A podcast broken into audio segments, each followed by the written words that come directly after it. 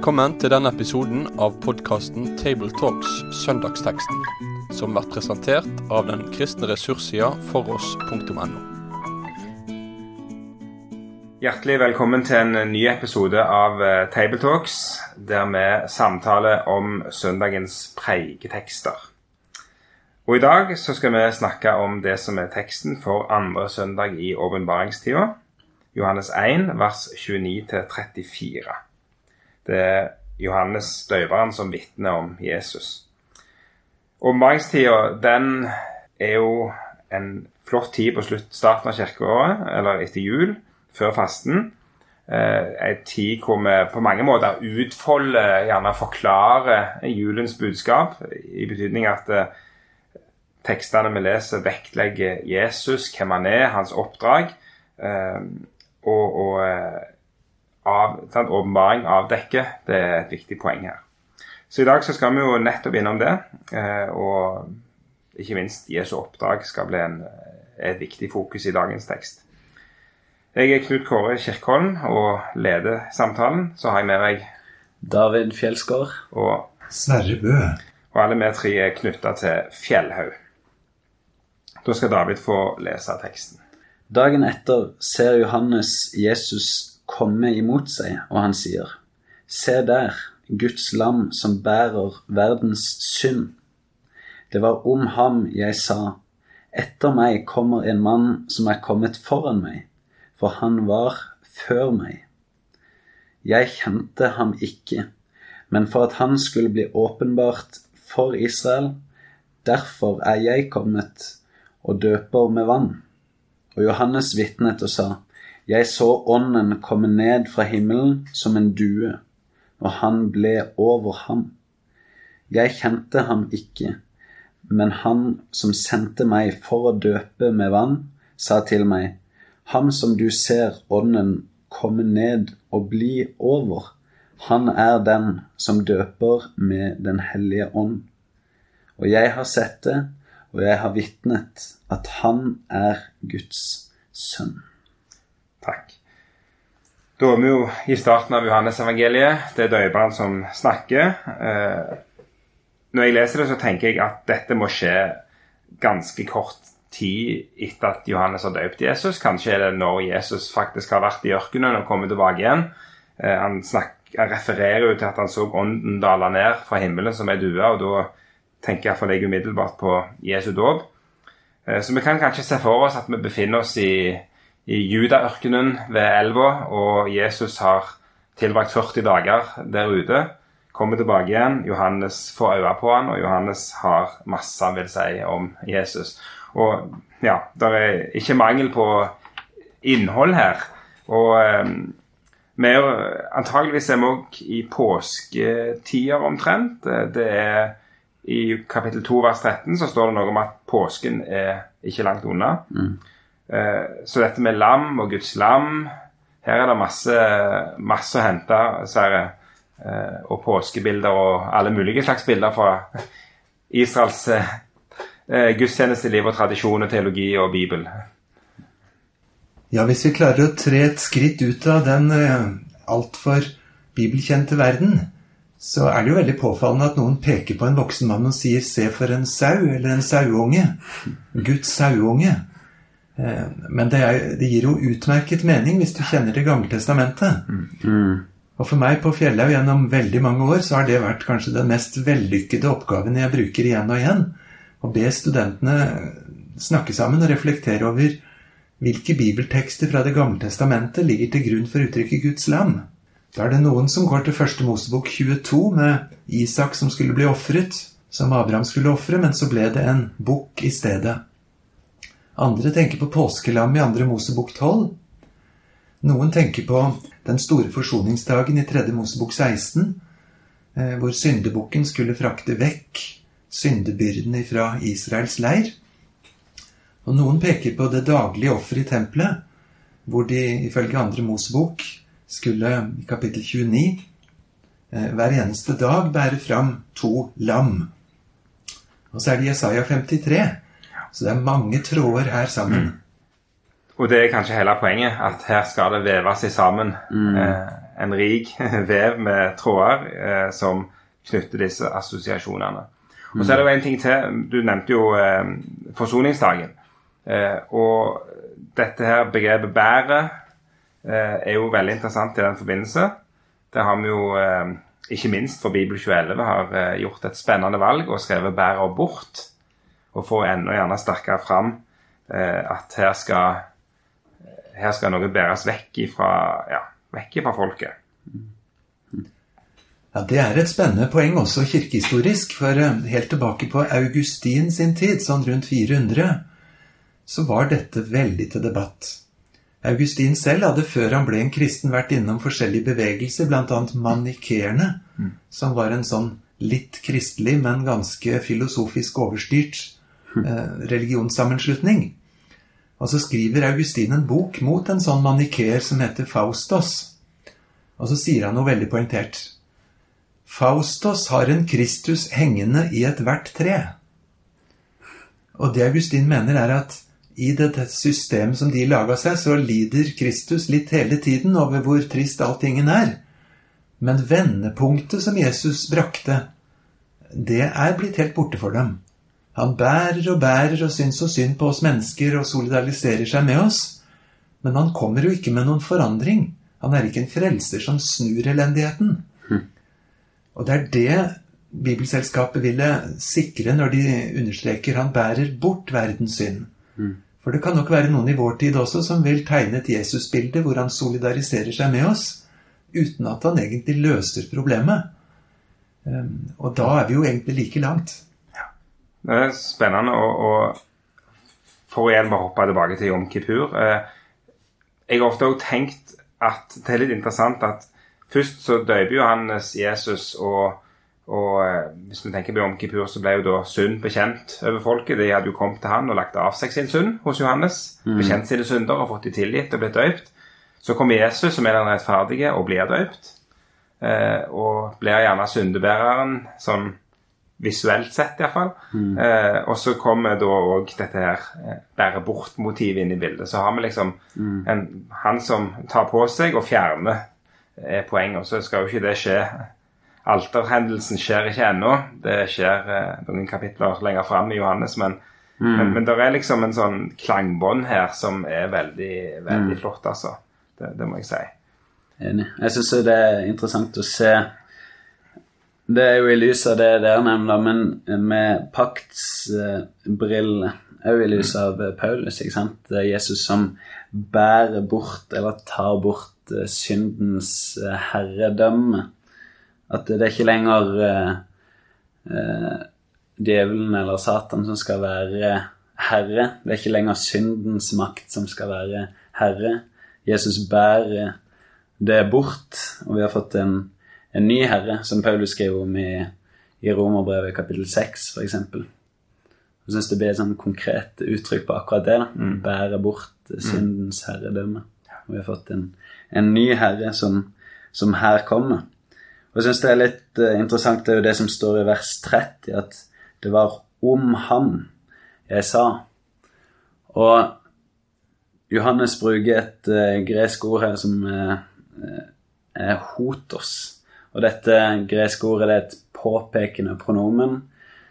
Og vi har to ulike påpekende pronomen på gresk, men dette påpekende pronomen peker liksom på han som er akkurat her nå. Ikke hidden det som er langt der borte, som vi ikke helt konkret vet hva er. Men hotos, denne her, om han som står nå rett foran meg, er det blitt eh, skrevet om, og han er Guds lam. Ja. Som hele Gamle testamentet peker fram på. Det syns jeg er veldig interessant å se. Ja, mektig. Det er jo kjempeflott. Og så eh, apropos sant, han. Eh, han var til før meg. Da er vi jo midt inn i ganske dypsindig lære om Kristus. Da er det vel det vi kaller for preeksistens som er poenget. Og det er jo et viktig motiv også hos, eh, hos Johannes, da, at eh, Jesus er den som er før og i skapelsen, ikke bare en som kommer til. Ja, Det er så viktig et moment at i Johannes-forskningen så er kanskje dette et av de aller, aller viktigste sporene. For Johannes-evangeliet, mer enn noe annet skrift, løfter frem at Jesus var til fra evighet av. Ordet var hos Gud. Eh, før Abraham var jeg. Mm. og eh, jeg tror det er 15-16 steder i Johannes-evangeliet hvor dette sies på 15-16 litt forskjellige måter. Og det banker det inn for oss at vi må ikke tro Jesus oppsto eh, julenatt ved at han liksom ble født. Det er en uendelig lang forhistorie. Og han valgte å forlate dette for å komme og bli vår frelser. Og vi kan jo bare legge til for sånn liten eh, sånn nerdete detalj at eh, i kirkehistorien så har jo denne teksten òg blitt brukt av noen som vil si noe i den retning om Jesus, at han, han ble bare han ble bare en Kristus på et eller annet tidspunkt, et vanlig menneske. Og da er det jo ofte dåpen og det at ånden kommer over han som eh, luftes fram. Eh, men så er det jo likevel helt åpenbart Johannes sier at eh, 'jeg så ånden komme over han'. Eh, og en vil jo gjerne tro at ånden var til stede i Jesus og før dåpen, men at likevel så skjer det et eller annet. Dåpen er et vendepunkt. Det er noe som for alvor tar til i og med Jesu dåp. Det kan vi likevel kunne holde fast og holde fram. Men at vi skal samtidig ha med oss Han var før meg, så han, han, han er faktisk Gud fra evighet av, og så er han samtidig i og med sin dåp så skjer det en endring i hans tjeneste, kan vi gjerne si. Eh, For å prøve å få de to eh, tingene til å henge litt sammen. Eh, Det er et begrep, David, eh, som du har, hadde notert deg særlig. Det var dette med å kjenne. Det står både der i vers eh, 31 og 33 at eh, 'jeg kjente ham ikke'. Og så syns jeg det er et veldig interessant eh, ord, det her med å kjenne, eh, som vi møter flere plasser i Bibelen. Eh, Og så la jeg merke til at eh, både her på norsk og på gresk så er dette skrevet i, eh, i eh, fortid. Og det handler om noe spesielt i disse to versene, så er det noe som har skjedd i fortid, men som er ferdig. Som ikke fortsatt eh, er reelt. Eh, og vi kaller det plusskvam perfektum. Det er noe som har skjedd, men resultatet er ikke blivende. Men så ser vi lenger ned i vers eh, 34, så kommer det fram at eh, det som er blivende, eh, det som fortsatt eh, Eller det som Ja, det at Johannes faktisk kjenner Jesus nå.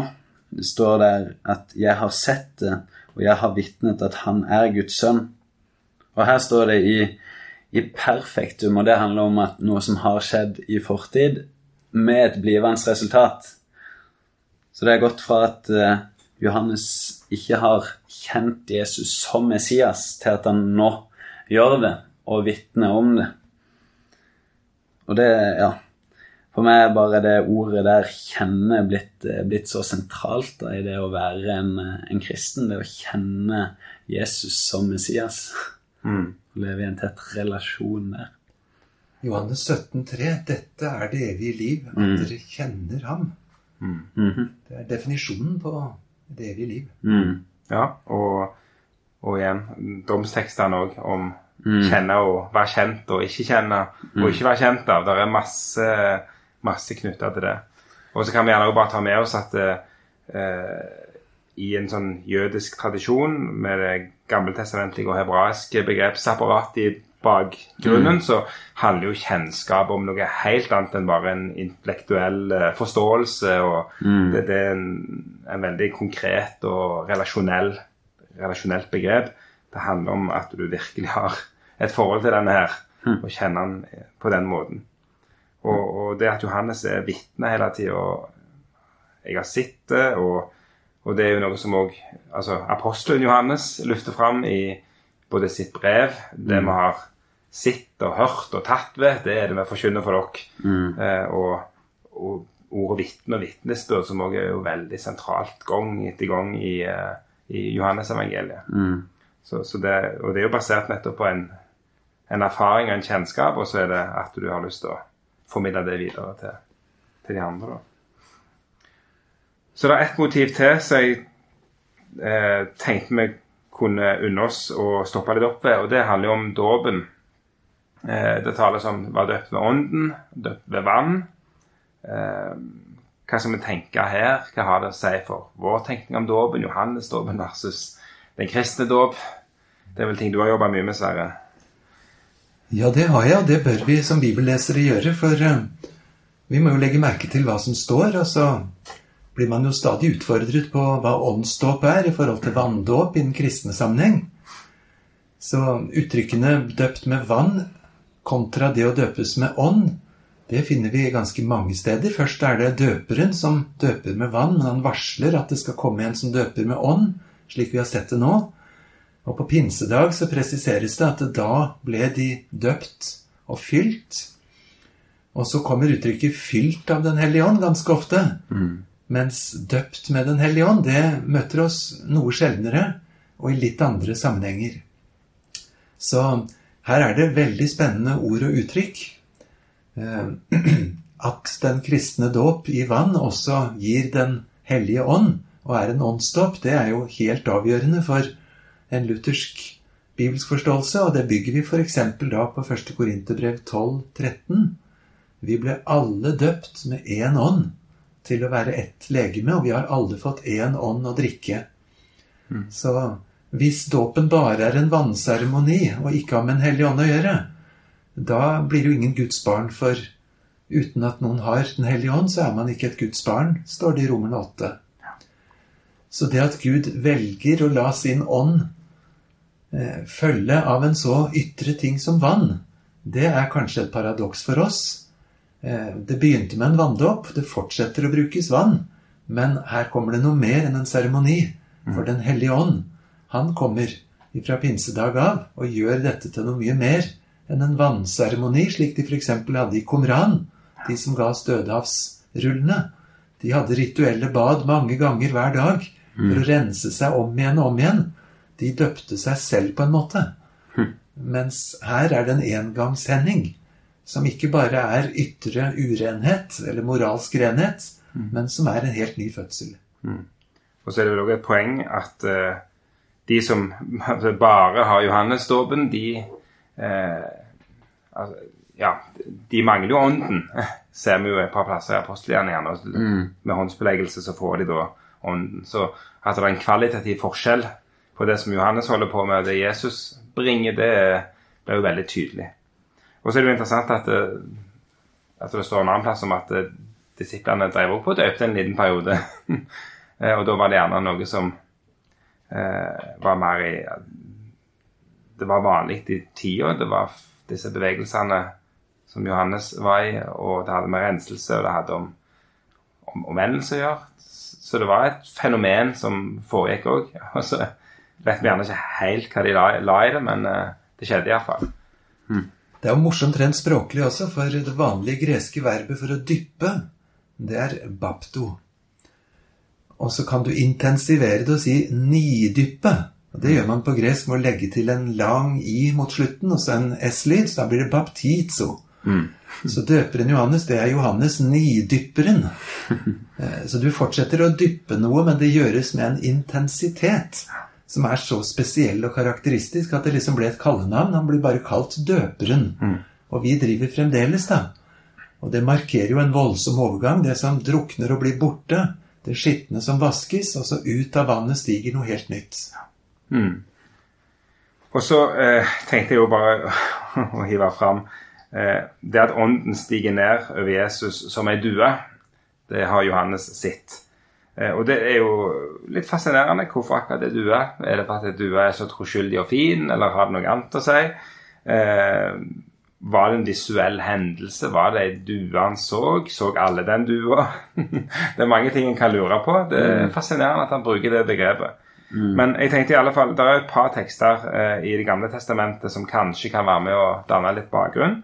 Det ene er jo i forbindelse med skapelsen, når det står om ånden som svever ved vannene så brukes det et hebraisk verb som eh, knytter litt an til fugleverden og fuglene sin ruging eh, på sine egg og på reiret, og at liksom eh, er, det, handler noe om, om åndens gjerning, da, som, som, det som danner hva skal vi si, gjør, gjør jorda til, i stand til å bli det, det han blir, eh, er startpunktet for, for det nye som skal vokse fram. Eh, og sånn er det gjerne at når ånden kommer ved Jesus, så er det startskuddet for, for det som nå skal skje. Og så har vi òg noe av fortellingen med, der du òg er uttrykket, det ultimate uttrykket for at nå, nå, er, det, nå, vi, nå er det på'n igjen. Nå er, nå er vannflommen over, og nå, nå, begynner, nå begynner virkeligheten på nytt igjen. Så det er et eller annet interessant med, med dette med, med, med dua og, og det at ånden kommer ved Jesus som er due. At det, har, det er vel igjen en markering av at nå, nå bryter det nye virkelig fram. Og åpenbaringstida handler jo nettopp om det. Det handler jo om at eh, vi skal forklare og forstå hva som har skjedd i julen, eh, og at nå, nå starter, starter dette her nye. da. Så det er en sånn interessant uh, ting å ha med seg. Vi skal gå mot en avrunding allerede. Og uh, jeg pleier alltid å spørre et spørsmål til slutt. Sverre, jeg begynner med deg. Hvis du skal preke over teksten, hva er det du har særlig på hjertet? Da tenker jeg på en eh, lærd tysk professor over Det gamle testamentet som klarte å sammenfatte 1000 sider Gamle testamentet med én setning som han hentet ifra lille gutten Isak på vei til Moria berg. Her er ilden, og her er veden, men hvor er lammet? Og så sa denne gammeltestamenteren at Gamletestamentet har rikelig med ved og rikelig med ild. Det er mange altere, det er mange pilegrimer på vei. Men jeg finner egentlig ikke lammet før jeg blar over og møter døperen Johannes som sier 'Der er Guds lam'. Så se den lange linjen ifra tusen sider, Gamletestamentet med den gamle pakt. Og nå, denne personen, rett foran meg, han er Guds lam. Nå kommer oppfyllelsen. Det liksom gir Messias profetier og, og, og crescendo en mening fram til for et klimaks der å kunne si 'denne er det'. Flott. Wow. David? Jeg tror i hvert fall jeg måtte hørt uh, Sverre tale først. Jeg få litt god inspirasjon her. Men hvis jeg ikke hadde hørt, så tror jeg det er mye man kunne tatt tak i, i i teksten. Jeg tror jeg hadde tatt spesielt tak i dette med Guds lam, som Sverre nevner. Jeg tror kanskje, kanskje det er med det å kjenne. Og så syns jeg jo det er veldig interessant det at eh, Johannes sier 'derfor er jeg kommet'. Koble det til i dag, det her med at vi lever med en hensikt. Og han, som han sier da 'Jeg har sett og jeg har vitnet at han er Guds sønn'. Det er hans hensikt. Og Da har vi visjonen på en måte. Ja. ja. Mm. at vi kan få, få kjenne han og vokse i relasjon til han og være med å gi det videre, vitne om det. Så døperen Johannes er som et forbilde. Så ja, det er mye man kunne ta tak i med noen av disse tingene. Mm, det er veldig fint. Det er en, eh, det er en ypperlig anledning til, å forkynne om Jesus. Det er iallfall ingen tvil om. Så det er en utrolig flott tekst å, å kunne ha med. Med det så runder vi av, og så vil jeg eh, takke dere for samtalen. Og så vil jeg òg eh, si lykke til og Guds velsignelse over deg som skal tale over denne teksten, og deg som skal lytte til forkynnelse ifra denne teksten. Med det sier vi takk for følget for denne gang. Finn flere ressurser, og vær gjerne med å støtte oss på foross.no.